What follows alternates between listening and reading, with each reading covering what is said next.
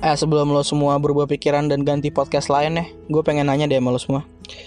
Menurut lo ya, sebagai manusia gitu, apakah kita punya yang namanya free will? Apakah kita punya yang namanya kehendak bebas untuk bisa mengatur nasib kita sendiri? Atau sebenarnya apa yang kita jalanin ini hanyalah tulisan yang udah fix, yang gak bisa diubah-ubah lagi berdasarkan kemauan Tuhan? Jadi semua kebebasan yang kita rasain, kebebasan dalam memilih pekerjaan, kebebasan dalam memilih passion lo, kebebasan dalam memilih jurusan kuliah lo dan segala macam itu semua cuma ilusi. Apakah semua yang kita jalanin ini sudah predetermined? Atau apakah kita sedang membentuk nasib kita sendiri? Eh, by the way, selamat datang di Kontemplasi Kloset. Ini podcast gak harus ada openingnya Lu gimana sih tiba-tiba langsung nanya orang gitu ya maaf ya gue ya ini namanya juga podcast tidak profesional baru ber berapa minggu gue eh udah ini episode ke dua oh udah dua bulan pak berarti pak gue bikin podcast oke okay. nggak kerasa uh, ya kayaknya buat podcast episode ini gue pengen ngomongin soal pertanyaan-pertanyaan itu ya gimana itu sebenarnya pertanyaan-pertanyaan yang muncul di kepala gue waktu SMA kali ya dan gue pengen cerita aja sih di podcast ini tentang bagaimana perjalanan gue menjawab pertanyaan-pertanyaan itu. Menarik gak sih? eh gak tau lah nih menarik apa enggak ya. Menarik lah ya, menarik lah.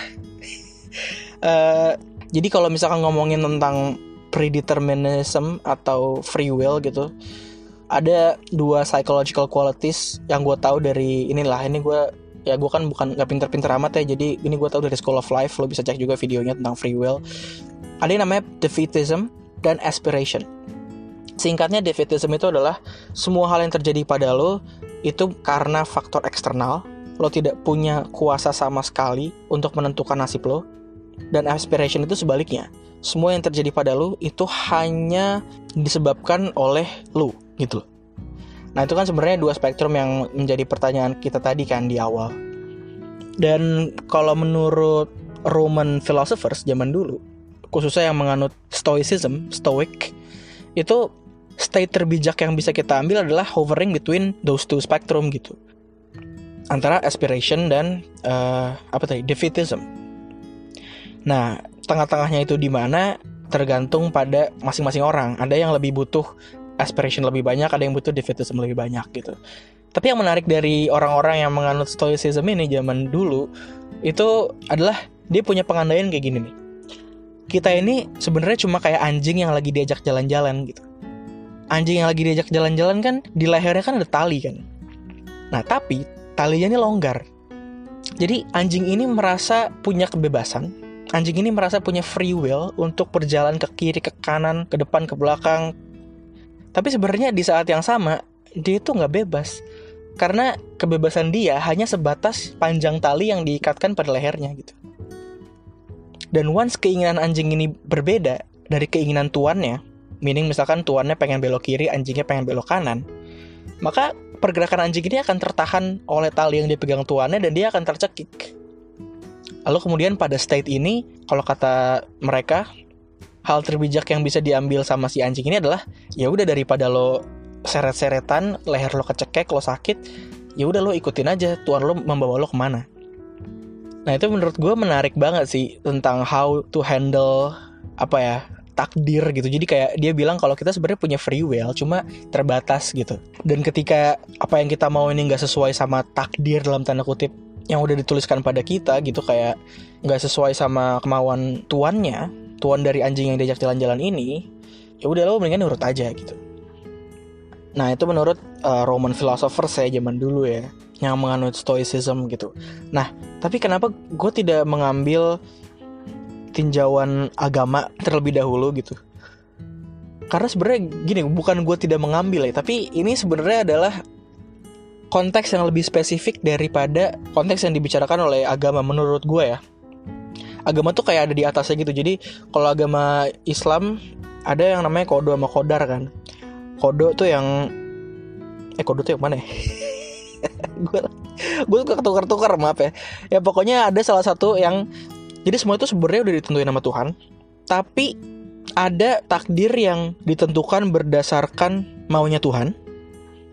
Ada takdir yang ditentukan berdasarkan maunya kita. Maunya kita nih meaning ya pilihan-pilihan yang kita ambil gitu masa hidup gitu. Apakah kita mau jadi orang yang kayak gimana yang baik pinter jahat males dan lain-lain lah gitu. Nah, dan menurut gue dalam konteks takdir yang ini pemahaman stoicism yang tentang anjing jalan-jalan sore-sore pakai tali itu menurut gue membantu gue pribadi sih dalam menerima konsep takdir ini gitu. Karena gini ketika kita berbicara masalah masuk kuliah misalnya pasti ada kan temen lu pasti lah lu punya temen yang kalau sebelum ujian SBMPTN tuh belajarnya bareng-bareng sama lo bahkan dia datang bimbel paling pagi pulang paling malam catatannya paling tebel sampai warna-warni tapi ujung-ujungnya pas pengumuman ujian dia nggak dapet universitas yang dia pengen. Ya kan? Pasti ada kan? Atau jangan-jangan lu orangnya bukan temen lo ya siapa pun itu pasti orang yang mengalami ini kan sedih banget kan? Ibaratnya kalau ada yang bilang usaha tidak akan mengkhianati hasil gitu. Ya ini buktinya mengkhianati kok. Gue udah belajar udah bimbel dari pagi sampai malam. Gue udah bikin catatan warna-warni tapi nggak dapet gue universitas yang gue pengen gitu Nah buat gue pribadi kemampuan untuk menerima itu itu sangat terbantu oleh pemahaman gue mengenai si anjing-anjing ini tadi gitu. Kalau misalkan gue pengen ke kanan tapi tuan gue nyeret gue ke kiri, ya udah the best thing I can do bukan berusaha untuk ke kanan tapi ya udah gue ikutin aja kemauan tuan gue gitu toh tuan gue yang setiap hari ngasih makan gue toh tuan gue yang setiap hari mandiin gue misalnya anjing tuh apa aja sih perawatannya gue nggak tahu gue nggak punya anjing tapi itu intinya gitu makanya gue nggak pernah percaya juga sama kata-kata kayak usaha tidak akan mengkhianati hasil gitu atau rajin pangkal pandai hemat pangkal kaya Enggak, usaha tuh mengkhianati hasil. Ada kok orang hemat yang gak kaya kaya, enggak. ya tergantung, ya gimana ya lu? Lu nggak bisa nentuin. Oke gini-gini, ini ada sesuatu yang menarik tentang hukum sebab akibat ya. Jadi gue pernah baca, ini gue bacain aja kutipan uh, sebuah kitab, kitab yang ditulis sama Ibnu Atailah As-Sakandari. Dia dari Alexandria. Alexandria tuh Mesir ya zaman dulu ya. Eh apa zaman sekarang masih ada nama kota itu ya? Gue nggak tahu lah. Pokoknya Asakandari dari Sakandar. Mungkin kalau misalkan Al bla bla bla I itu kan menunjukkan asal dia dari mana gitu kan kayak Al Bukhari dari Bukhoro uh, Atirmizi dari Tirmis apalagi sih Asundawi kan ada Asundawi dari Sunda Al Minangkabawi dari Minangkabau ya itulah pokoknya Al Bantani dari Banten. Itu kan dulu buat nunjukin kalau eh gue nih perantau dari daerah ini dan gue pengen ngabarin kalau Islam tuh udah nyampe daerah gue lo udah nyampe sini lo gitu. Ya nggak sih? Bener gak sih gue nggak tahu. Eh lu jangan kebanyakan ngasih ini dong pengetahuan pengetahuan yang lo nggak yakin dong. Ya ya gue nggak pinter-pinter amat ya lo jangan percaya apa yang gue omongin 100% lah. Tapi ini Bayu ini menarik banget. Jadi uh, salah satu kitabnya Al Hikam namanya.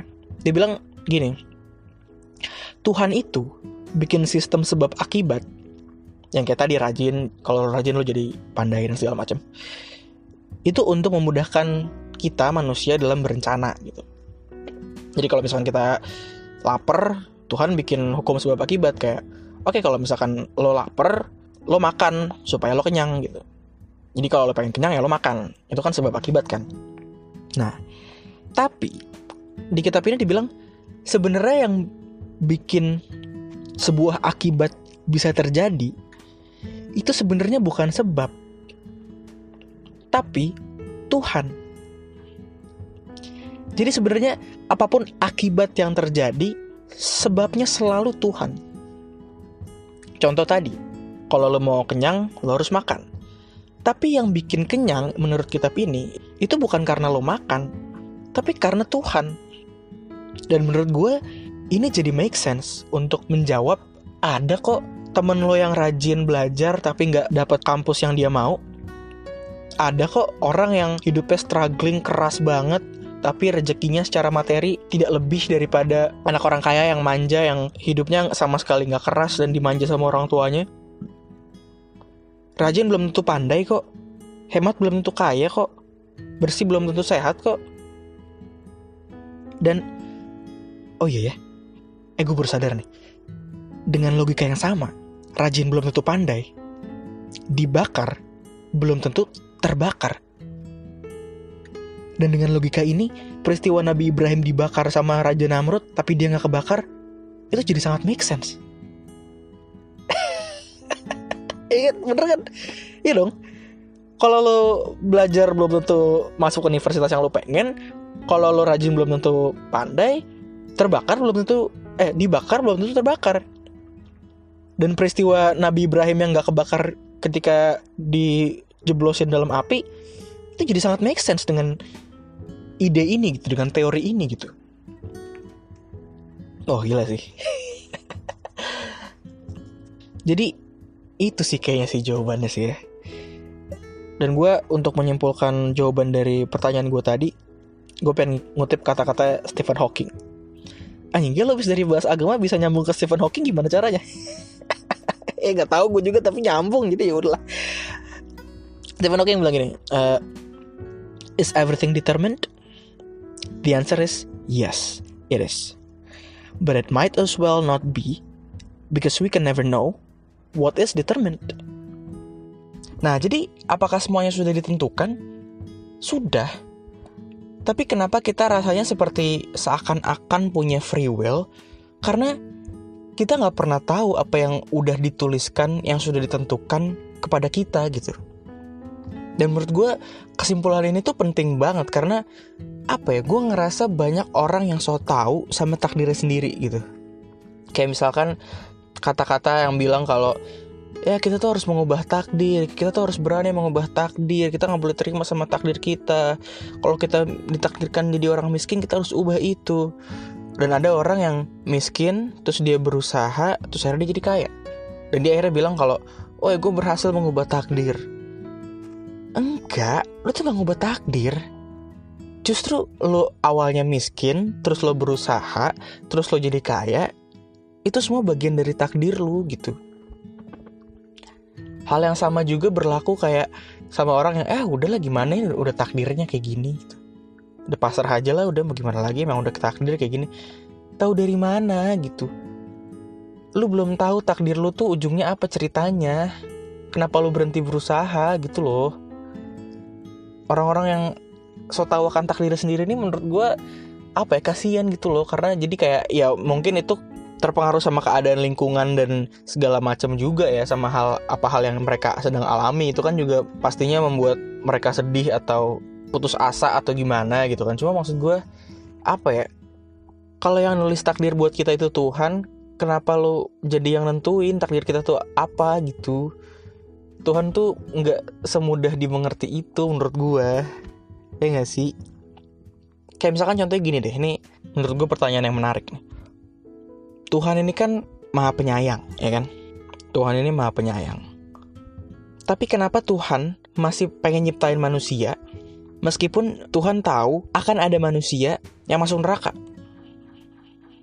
Katanya Tuhan maha penyayang. Kok dia tega tetap nyiptain manusia padahal dia tahu betul bahwa akan ada manusia yang terbakar di neraka? Mau tahu jawabannya kayak gimana? Tungguin episode berikutnya dari Kontemplasi Close. menarik gak sih menarik gak sih ini buat uh, pancingan lo biar denger episode minggu depan akhirnya gue bikin kayak ginian juga ya uh, ya thank you banget buat yang udah dengerin. Gue minggu depan ini sebenarnya ini sih uh, satu episode yang emang maksudnya ini satu rekaman yang sama cuma gue pikir karena kepanjangan hmm, jadi udah deh gue potong aja. Jadi uh, see you next week thank you buat yang udah dengerin. Bye.